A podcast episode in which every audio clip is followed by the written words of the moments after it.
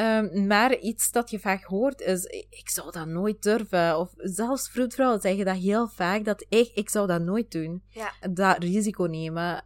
Wat zou je tegen hun zeggen? Goh, ik...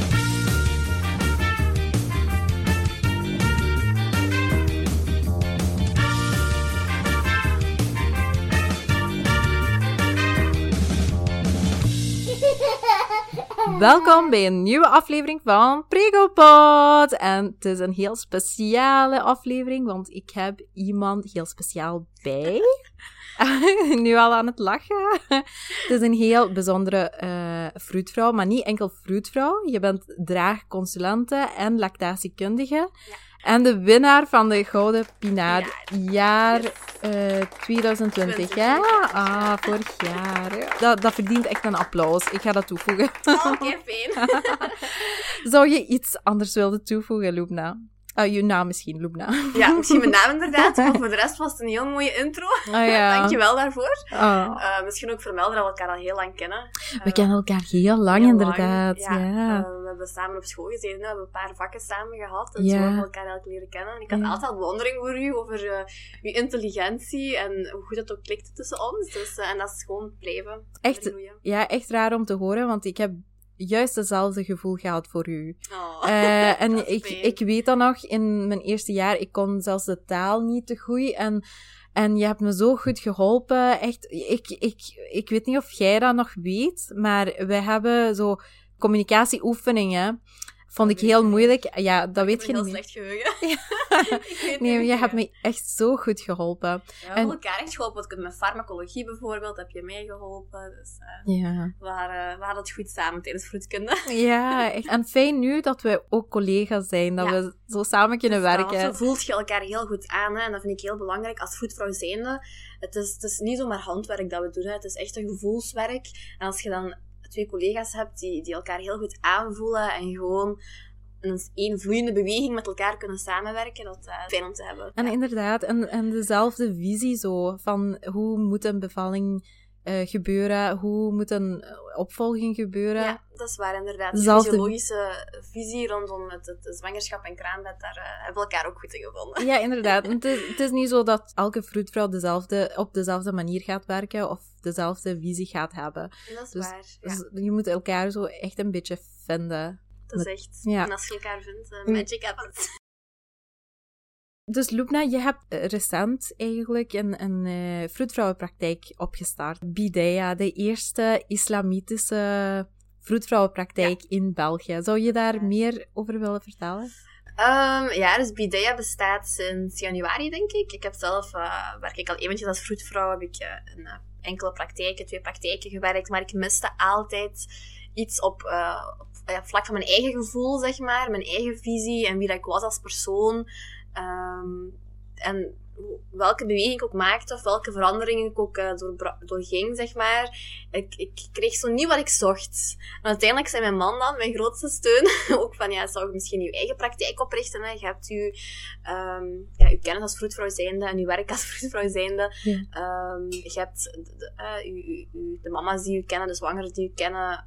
Wat houdt je nog tegen om misschien voor je eigen praktijk te gaan? Maar ik stond daar zo'n beetje afwachtend tegenover van, ja, zou ik dat wel doen? En uiteindelijk, ja, is Bidea terug, eh, toch wilde ik ehm, ontstaan, zeg maar. Ja, en Eh, fantastisch dat je uw man Ja. je zo goed hebt kunnen ondersteunen. Hij heeft eh, even onder- de naam ook uitgevonden. Ah, echt waar? Ja, ik zei ik wil een naam met een alleen Arabische achtergrond, Ja. zeg maar, maar niet al te moeilijk in, in, in, om het uit te spreken, want heel veel Arabische woorden zijn moeilijk uit te spreken, maar dat toch echt Bidea, eh, Bidea, het, ja. het, het, het, Het- het, het vroedkunde uitbeeld, maar ook Mhm. niet eh, cliché, zeg maar. Ja, ja. eh, maar en toen ja, kwam Bidea. Geen bolle buikjes op roze wolk. Nee, daarom. Is dat. Ik wou iets wat, wat meer abstracter. En Ja. Bidea ja, staat voor begin. Hè, dat betekent begin. Dus, Ja. eh, ja. En dat is eigenlijk heel, ja, heel mooi woord voor het begin als een koppel begint met, met ja, de gedachte van zwanger worden. Of, ja, het is een begin, Een begin een van nieuw, alles, nieuw, hè. Ja, het nieuw begin van een kapitel. nieuw leven, ja. echt waar een, een, een nieuw hoofdstuk. ja, Ehm, het, het is, ja, het is ja, Bidea. Bidea, het is Bidea. Oké, en ehm, wat doe je allemaal binnen die praktijk? Ja, dus binnen Bidea ehm, beginnen we altijd kinderwens. Dus uh, koppels die klaar zijn voor hun nieuw Bidea, voor hun nieuw hoofdstuk, zeg maar, die begeleiden wij naar de zwangerschap toe. Dus uh, aan de ene kant de gezondheidsfactor natuurlijk. En hoe begint je zo gezond mogelijk aan een zwangerschap, maar anderzijds ook de mentale switch. Je bent heel lang met twee en je bent je ook aan voorbereiden om met drie te zijn. Um, als koppel zijnde is een heel grote beweging die gemaakt uh, op relationeel vlak, daar begeleiden wij ook bij. En we zorgen er dan voor dat je cyclus zo goed mogelijk kunt opvolgen en dergelijke om je zwangerschapskansen te vergroten. Eenmaal de zwangerschap doen wij in samenwerking met de gynaecoloog de zwangerschapsopvolging. Uh, we geven daar ook verschillende lesjes qua borstvoeding, arbeid en bevalling, um, over islamitische wetgeving en dergelijke. Um, dan kun je kiezen om ofwel in ziekenhuis te bevallen. Uh, en dan komen we na de bevalling thuis. Ofwel kan je kiezen om thuis te bevallen. Um, met dan Bidea-vroedvrouwen. En dan na de bevalling, of jullie thuis het ziekenhuis bevalt, is er de verdere opvolging. Ook aan de ene kant het fysieke, het gewichtje van de baby, of dat je jezelf fysiek voelt. Um, aan de andere kant ook het mentaal natuurlijk. Hè. Voor uh, een babbel staan we ook altijd klaar. ja, dat doen we binnen Bidea. Oh, fantastisch. Echt leuk om te horen ook. Ja, wat ik speciaal vind, is die thuisbevallingen dat jullie aanbieden. Dat is ook echt het fijnste om te doen. Het fijnste. En deze aflevering gaat over uh, thuisbevallingen. Hoe lang ben je al bezig geweest met, met ja, thuisbevallingen te doen? Um, iets meer dan twee jaar, denk ik. Ja, zoiets. Ja. Dus toch redelijk veel ervaring. Ja, ik heb eerst een hele tijd meegelopen, uh, meegelopen als achterwacht, zeg maar, met mm andere vroedvrouwen. Dus dat ik uh, als tweede vroedvrouw arriveerde bij een thuisbevalling. Uh, soms belden ze natuurlijk al wat vroeger, dat ik zo helemaal kon meevolgen. En dan wanneer ik het gevoel had dat ik er klaar voor was, om zelf eerste vroedvrouw te zijn, ehm, ben ik dan ook gaan begonnen. Is dat iets dat je altijd hebt willen doen? Ja, absoluut. Ja, altijd ja. Uh, dat gevoel gehad. Ook toen ik voor, uh, dat, dat ik eigenlijk thuisbevallingen deed, toen ik enkel pre- en postnataal uh, zorg aanbood. Ja. Aanboden? voilà. Nee. nee. Um, dan miste er zoiets. Het, het miste echt, ja, ik, ik, had, ik voelde me nog niet volledig. Mm -hmm. En dan volgde ik zo lesjes bij een vroedvrouw waar ik heel erg naar opkijk. Lieve Hubbrechts, ik denk dat alle vroedvrouwen haar wel kennen. Ja. En volgde ik daar aan verschillende lesjes en hoe gepassioneerd dat Lieve vertelde over ja, de geboorte en hoe fysiologisch dat allemaal wel kan. En ik weet nog dat ik toen naar huis reed, na zo'n lesje, dat ik, mijn, dat ik mijn man belde en dat ik zei van, oh my god, ik wil echt thuisbevallingen begeleiden. En van het een ja, is het ander gekomen en dan uiteindelijk ben ik er zo in uh, gekomen. Het is echt iets wat ik al van sinds dat ik nog vroeg kunnen studeren, uh, had ik iets van bevalling is echt hetgene waarvoor dat ik uh, vroedvrouw ben. Ja, ja, want ik herken dat gevoel ook. Ik zei het tegen u, ik voel me net een neppe vroedvrouw, omdat ik juist die bevallingen die ik zo graag begeleid, dat niet meer meemaak. En ik had zoiets van, moet je in een ziekenhuis werken om die bevallingen te kunnen doen? Want dat, ik, zag me niet, uh, ik zag mezelf niet als een vroedvrouw aan huis, omdat ik wist dat ik die bevallingen ja, ging... dat heb ik ook heel lang gehad. Ja. ja. En toch was het gemakkelijk om die stap te zetten uh, naar thuisbevallingen begeleiden. Ja, toch. Ik heb er eerst heel veel over nagedacht, ook naar de toekomst toe. Van, uh, ja, en wat er kindjes zijn, en dan moet je ineens thuis vertrekken. En uiteindelijk zei mijn man ook van, dat is allemaal nog zo ver weg. Uh, je gaat dat toch niet tegenhouden, gewoon wat er in de toekomst eventueel zou kunnen, zou kunnen ja. zijn. Voor alles is uiteindelijk een oplossing. Dus noods doet je het nu en vind je tanden maar heel makkelijk te combineren en doet je tanden meer, maar ga er gewoon voor. En dat heeft me echt overtuigd om ervoor te gaan. Oké, okay, maar dan, dan ben ik heel benieuwd. Hoe is je eerste thuisbevalling? De eerste de, waar je... Oké, okay, vertel eens eerst over uh, de eerste keer dat je achterwacht was. De eerste keer dat ik achterwacht was, ja. Um, ik heb toen samengewerkt met Geert Trui. Een heel fijne vroedvrouw ja, heel fijne ja, een heel fijne vroedvrouw. Um, ze had me toen heel goed op tijd gebeld, want ja, ze zei van, hey, uh, vanaf nu begint de wachtwoord, dus ik ga je bellen. Dus mijn gsm stond dan uh, altijd op luid en dan met munt en mijn telefoon afging, hoopte ik dat het Geert Trui was. um, en uh, ja, s morgens wakker worden en zo'n paniek van, oh nee, mijn gsm, is toch, mijn gsm is toch niet uitgevallen, of ik heb per ongeluk toch niet afgehaakt in mijn slaap. En dan ben ik naar daar gegaan, had ze me heel vroeg gebeld, wat ik heel fijn vond, want was, ik kon daardoor de arbeid ook nog een beetje volgen. En het was echt een zalige bevalling. Ik kwam binnen en het was daar zo Het was echt een, ja, alsof ik een andere wereld instapte. Het was daar zo warm, er ging echt een, rustige sfeer. Ehm, de mama was toen heel vlot, heel rustig in bad bevallen. Ik had zelf toen nog geen thuisbevalling gezien en er ging echt een nieuwe wereld voor me open. Alles was zo rustig, zo intiem. Uh, dat was voor mij weer opnieuw de bevestiging van uh, dat ik echt wel een goede keuze heb gemaakt. Ja, echt een gevoel van, oh, kan het op deze manier ook? Voilà, echt, want je leest dat wel en je hoort dat wel, maar ja, het, als je dat ervaart, is dat heel, een heel ander gevoel. Ja, want je komt echt in een nieuwe wereld terecht. De, de mama zelf had de regie over heel het gebeuren. Wij zaten daarbij en wij bewogen alleen maar bij wijze van spreken als de mama het toeliet. Um, het was echt ja, ontzettend fijn. Ik ben toen naar huis gereden. Ik had echt tranen in mijn ogen. Ik dacht van, dit is echt wat ik wil. Ja. ik had hetzelfde gevoel na onze thuisbevalling samen. Ja. Dat... Ja. Uh, ik, ik was, dat was gewoon euforie. Alsof ik ik zelf ben bevallen. Ja, maar zo voel ik me ook elke keer weer. Want ik denk dat er nog geen bevalling of heel weinig bevallingen gepasseerd zijn waar ik zelf geen traantje heb gelaten. Ja. je leeft zo mee in het moment.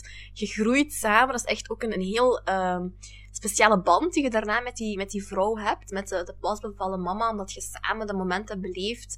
Je voelt echt uh, ja, zodat je zelf net bevallen bent. Ja. En, en dan ben je, de, eh, heb je de stap, verder de stap genomen om een ja, bevalling helemaal zelf te begeleiden. Ja. Uh, hoe voelde dat aan? De, eerste, de allereerste bevalling die ik helemaal zelf heb gedaan, dus dat ik de eerste vroedvrouw ben en dan iemand anders bel als tweede vroedvrouw. Goh, ik weet niet, ik voelde me heel zelfverzekerd, omdat ik al heel wat bevallingen um, gezien had, of ja, meegemaakt had, zeg maar. Um, ik, ik had het gevoel dat ik heel angstig zou zijn, maar het viel eigenlijk nog goed mee. Ik heb wel uh, met de collega's waar ik samenwerkte wel heel frequent gestuurd van ja, is het oké, is dat oké? Om mm -hmm. gewoon die bevestiging te krijgen. Dus er was wel ergens iets van een extra zekerheid die ik nodig had op dat moment.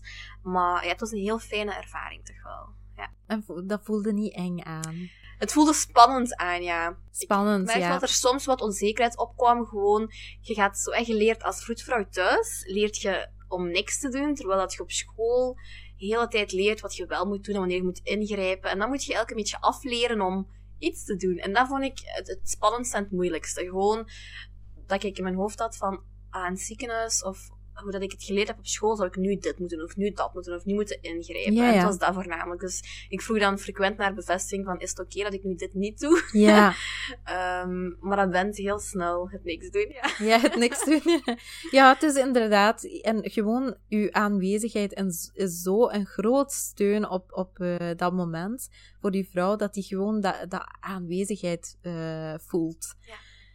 Um, maar iets dat je vaak hoort is, ik zou dat nooit durven. Of zelfs vroedvrouwen zeggen dat heel vaak, dat ik, ik zou dat nooit doen. Ja. Dat risico nemen. Wat zou je tegen hun zeggen? Goh, ik snap het ergens ook. Um, ik denk dat heel veel mensen, of de mensen bij wie ik thuis kom, die nog een beetje twijfelen over thuis te bevallen, heel vaak, ja, los van de voetvrouw dan, maar dan gewoon uh, de zwangere, die um, stellen zich daarvoor als we thuis zijn en we gaan uh, de bevalling doen en als er iets misgaat, uh, dan is het zo, dan zijn we thuis, we kunnen eigenlijk niet ingrijpen. Wat ook een logische gedachte is, want uh, zwanger weet natuurlijk niet wat dat we allemaal mee hebben of hoe dat we getraind worden. Dus ik snap de angst of de schrik ook. Um, maar het is, ja, uh, bij een thuisbevalling um, hebben we natuurlijk wel ons materiaal mee om in te grijpen wanneer het iets minder goed gaat of wanneer het niet gaat als gepland. Uh, we worden ook getraind natuurlijk om op één, uh, één ieder situatie in te grijpen waar het minder goed gaat. Ik denk bijvoorbeeld aan een, bloeding van het bloedverlies of een babytje die meteen na de geboorte wat extra stimulatie nodig heeft om om op gang te komen, zeg maar. Um, dus we hebben daadwerkelijk wel alles mee om in te grijpen. En het is ook zo dat we goed op voorhand vaak de signalen zien wanneer het minder goed gaat. Ik denk dat de scenario's, um, dat het ineens de foute kant op gaat, zeg maar, en dat we heel snel moeten ingrijpen, heb ik gelukkig nog niet echt meegemaakt. Um, en ik ook niet dat dat heel vaak voorkomt. Maar er, het mm. komt wel voor dat we het gevoel hebben van oei, goh, babytje vindt het niet meer zo heel leuk hier binnen. Um, en dat we dan geen risico nemen en toch naar het ziekenhuis gaan. Nu, er zijn al verschillende onderzoeken naar uitgevoerd natuurlijk. En ik zeg dan altijd van, als er zo'n grote risico's aan vasthingen, zou het nooit iets zijn dat legaal is. Ja, ja. Dan zou het verboden zijn om thuis te bevallen als er daadwerkelijk zoveel risico's aan vasthingen, of dat er zoveel situaties waren die fout gaan. Um, ja, dan zou het gewoon echt niet mogen. Ja, want de onderzoeken tonen ook aan dat een thuisbevalling voor laag eh, even veilig is in, het, ehm, in, in een thuisomgeving. Ja. Ehm, Er is zelfs een onderzoek, ehm, ik weet nu niet meer in mijn, uit mijn hoofd wanneer dat gepubliceerd is en welk jaar, maar dat aangaat dat een thuisbevalling ongeveer een procent veiliger is dan een ziekenhuisbevalling. ja, ik heb dat een beetje verder gelezen, toen dacht ik van, ah, dat is, ja. eh, het klopt wel naar mijn gevoel. Ja, ja, maar je durft, allee, nu, ik wou het ook zeggen, veiliger ehm, dan, een thuisbeval, eh, dan een ziekenhuisbevalling, maar je, ja, ik, ik durf het niet te, Ja. te zeggen, omdat het zo ja, taboe is op een... Op, Dat is ook zo. Ja, daarom ben ik ook een beetje verder gaan opzoeken. Ah, veiliger dan een thuisbevalling. Ah, dat is zo raar. Hoe komt dat? Ehm, en het kwam eigenlijk door het feit dat er thuis minder snel ehm, standaard wordt ingegrepen, zeg maar. Eh, er zijn bijvoorbeeld ziekenhuizen waar je standaard een, een eh, infuus krijgt, is protocol, eh, waar je aan de monitor aan CTG ehm, hangt. Normaal gezien een half uurtje, maar dan wordt het wat langer. En enkel al het... aan de CTG hangen, ja, hangen aan, aan de ja, CTG liggen, ja. ehm, vergroot de kans op een keizersnede. Zonder dat er eigenlijk ehm, betere outcomes zijn. Dus als je nu wel of niet langer aan de monitor hangt, of een half uur aan de monitor hangt, zeg maar, ehm, verbetert de outcome niet. Ja. Ik denk als we daar al naar kijken, van kijk, je ligt daar 30 minuten naar het hartje te luisteren, eh, maar het verbetert niks. Terwijl je wel een half uur niet hebt liggen bewegen. En vaak is het nog langer hè, dan 30 Ja, ja. minuten dat je aan de monitor ligt. En dat was eigenlijk ehm, het, het, eh, het ding achter het onderzoek. In het ziekenhuis wordt er veel meer standaard ingegrepen. En het zijn die interventies die zorgen voor een cascade van interventies. En de interventies die erop volgen, die vergroten de risico's. Met dan een keizersnede of met fetale nood, bijvoorbeeld als er te fel ehm Sinto wordt toegediend. Dus Ja. de weeën versterkt. En om die reden zou thuisbevallen veiliger zijn, omdat je ehm, dat allemaal niet hebt. Ja, en ik zei het ook in, me- in de vorige aflevering, dat het ziekenhuis is geweldig op dat manier dat het risico eh, heel goed kan opsporen. Ja, maar het zeker. opspoort ook risico's als ze niet aanwezig zijn. Ja. En ehm, dat vergroot eigenlijk de, de, de kansen om dat er ingegrepen gaat worden, ook al is het niet eigenlijk nodig.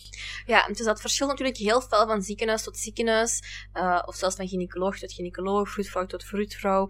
Maar ja, he- heel vaak wordt er gewoon te snel ingegrepen en wordt zo'n natuurlijke proces een beetje te fel beïnvloed, eh, waardoor er nog meer wordt, eh, interventies worden Mhm. gebruikt. Ja, echt een cascade. Een cascade, ja. inderdaad. En dat is vaak de boosdoener. Maar eh, als vroedvrouw zijn, en zeker binnen Bideia, werken we heel graag samen met de ziekenhuizen.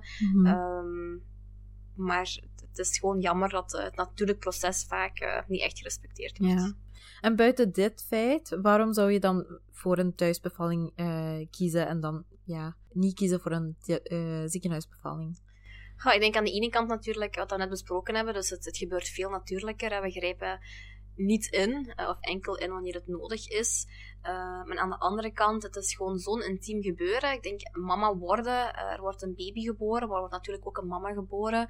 Ehm, en ik denk uit mijn ervaring, als er iets is wat een vrouw nooit vergeet, is aan de ene kant haar trouwdag, maar aan de andere kant ook ehm, hoe dat ze bevallen is, hoe dat er op dat moment tegen haar gedaan is, ehm, hoe dat haar wensen gerespecteerd zijn. Ik denk dat we allemaal wel eens een uh, pas bevallen vrouw of een mama hebben horen praten over haar bevalling. Er zit vaak heel wat emotie achter, heel veel details ook. Ze onthouden heel goed wat er gebeurd is. Ehm, en dat is juist de belangrijkste factor. Een bevalling is niet zomaar een gezond babyke te wereld brengen. Het is een heel een, ja, een immens groot gebeurtenis dat je als, als vrouw overkomt. Uh, maar als je dat thuis in je veilig kokonnetje met, met de personen doet die, die je vertrouwt, um, in een warme omgeving met enkel de vroedvrouw kunt doen, dat is iets wat je levenslang bijblijft.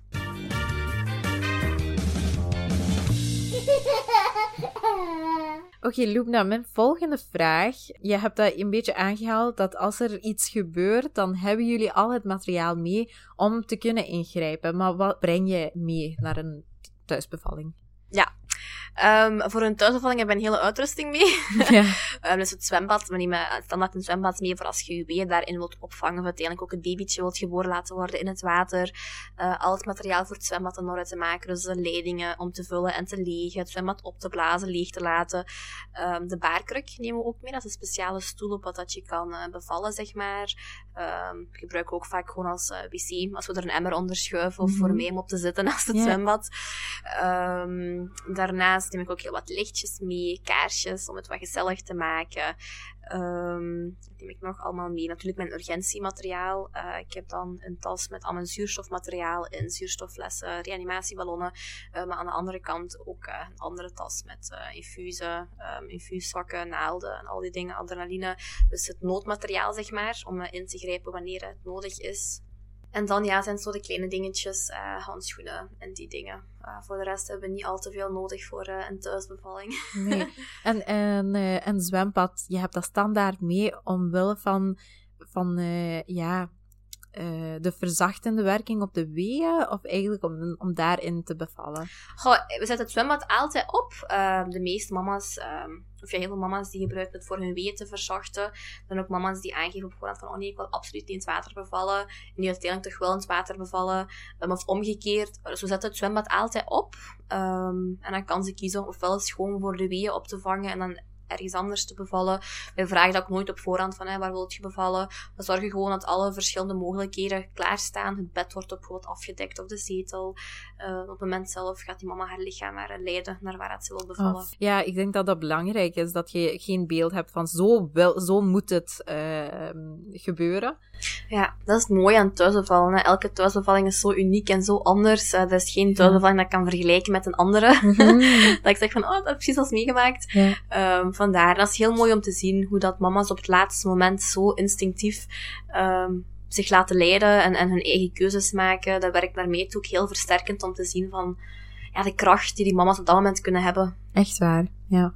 Ja, nu de, de laatste paar jaren hebben we meer en meer thuisbevallingen gezien. Ik, ik ja. denk dat um, daarvoor was het zoiets dat ja, hippies deden. Ja. zo echt die mensen met ik, ik wil geen interventies en echt zo die extreme. Uh, maar dat het nu meer en meer. Het komt meer voor, ja. En, en binnen verschillende groepen, zeg maar. binnen verschillende ja, groepen. Binnen verschillende groepen, ja. Niet bij iedereen. Iedereen ziet het niet zitten, maar uh, bij sommigen ja, het begint het komt meer, en meer, voor. Ja, zeker nu, tijdens deze pandemie, waren er ook heel veel mensen die mij contacteerden voor een thuisbevalling. Uh, en dat ze zeiden van, uh, bijvoorbeeld, ja, ik zie mezelf echt niet met een mondmasker bevallen. Mm -hmm. Of, um, ik, uh, ja, de regels in het ziekenhuis vind ik niet fijn. Of ik wil um, dat er geen mannen binnenkomen of zo. Maar afhankelijk van welke intentie achter de thuisbevalling zit, um, komen we vaak tegen het einde van het gesprek tot de conclusie dat ze zich niet helemaal goed voelen bij het concept van een thuisbevalling, maar dat het eerder is om andere redenen, zoals mondmasker of dat er mannen kunnen binnenkomen of dergelijke. Um, maar uiteindelijk merk ik wel dat er vanuit die mensen dan toch meer, meer, meer en meer vraag komt om wel thuis te bevallen. Dus ondanks dat het misschien niet eerst de, de, de eerste keuze was, zeg maar, dat ze voor zich hadden, uh, met een andere intentie, dat ze doordat ze een thuisbevalling uh, aan het overwegen waren, omwille van andere redenen, ik weet niet of het nog logisch klinkt, dat ze hebben zitten opzoeken en ervaring hebben opgevraagd en dan toch iets hadden van, wow, het kan ook zo. Ja. Dat ze dan voor een thuisbevalling kozen om de juiste reden, zeg maar. Mm -hmm. uh, maar beginnend vanuit een andere reden. Ja. Maar denk je niet enerzijds dat het veel mond-tot-mond reclame is? Dat die ene vrouw vertelt aan haar vriendin: Ik heb zo een geweldige ervaring ja, gehad. Ook wel heel vaak. Ja, ja. zo van: eh, Mijn eerste heb ik in een ziekenhuis gedaan. En nu deze keer was het een heel ander gevoel. En Loepna heeft me zo goed gesteund. dat het echt zo mond-tot-mond reclame is.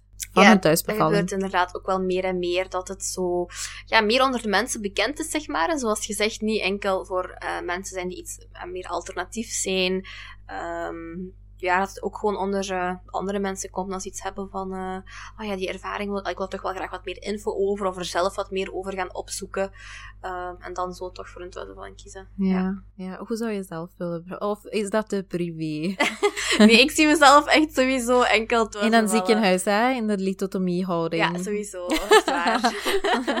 Nee, ik zie mezelf echt enkel thuisbevallen, ja. Maar dan elke keer, zo elke maand, als ik zo mijn regels heb, denk ik van, oh my god, ik kan deze panel niet aan. Laat staan als ik uh, moet bevallen. Maar ik, ik, uh, ik zie mezelf echt enkel uh, thuis bevallen. Ja. ja. Onder de begeleiding van een vroedvrouw dan? Ja, ik, ik, ik heb zo mijn, allee, ik zou graag wel een vroedvrouw aanwezig hebben. maar ik zou de bevalling zelf wel alleen willen doen. Ja, ja. Als het natuurlijk lichamelijk gaat. Ehm, ik zou graag een half unassisted birth Mhm. hebben. Zoiets. Ja, ja, ja. Natuurlijk jij die aanwezig bent. Hè. ja, zo Kan in niet de anders. Loop je doet het zelf maar. Ja, echt waar. ik ga jullie wel... Ik ga je aanrekenen daarna. nee, nee.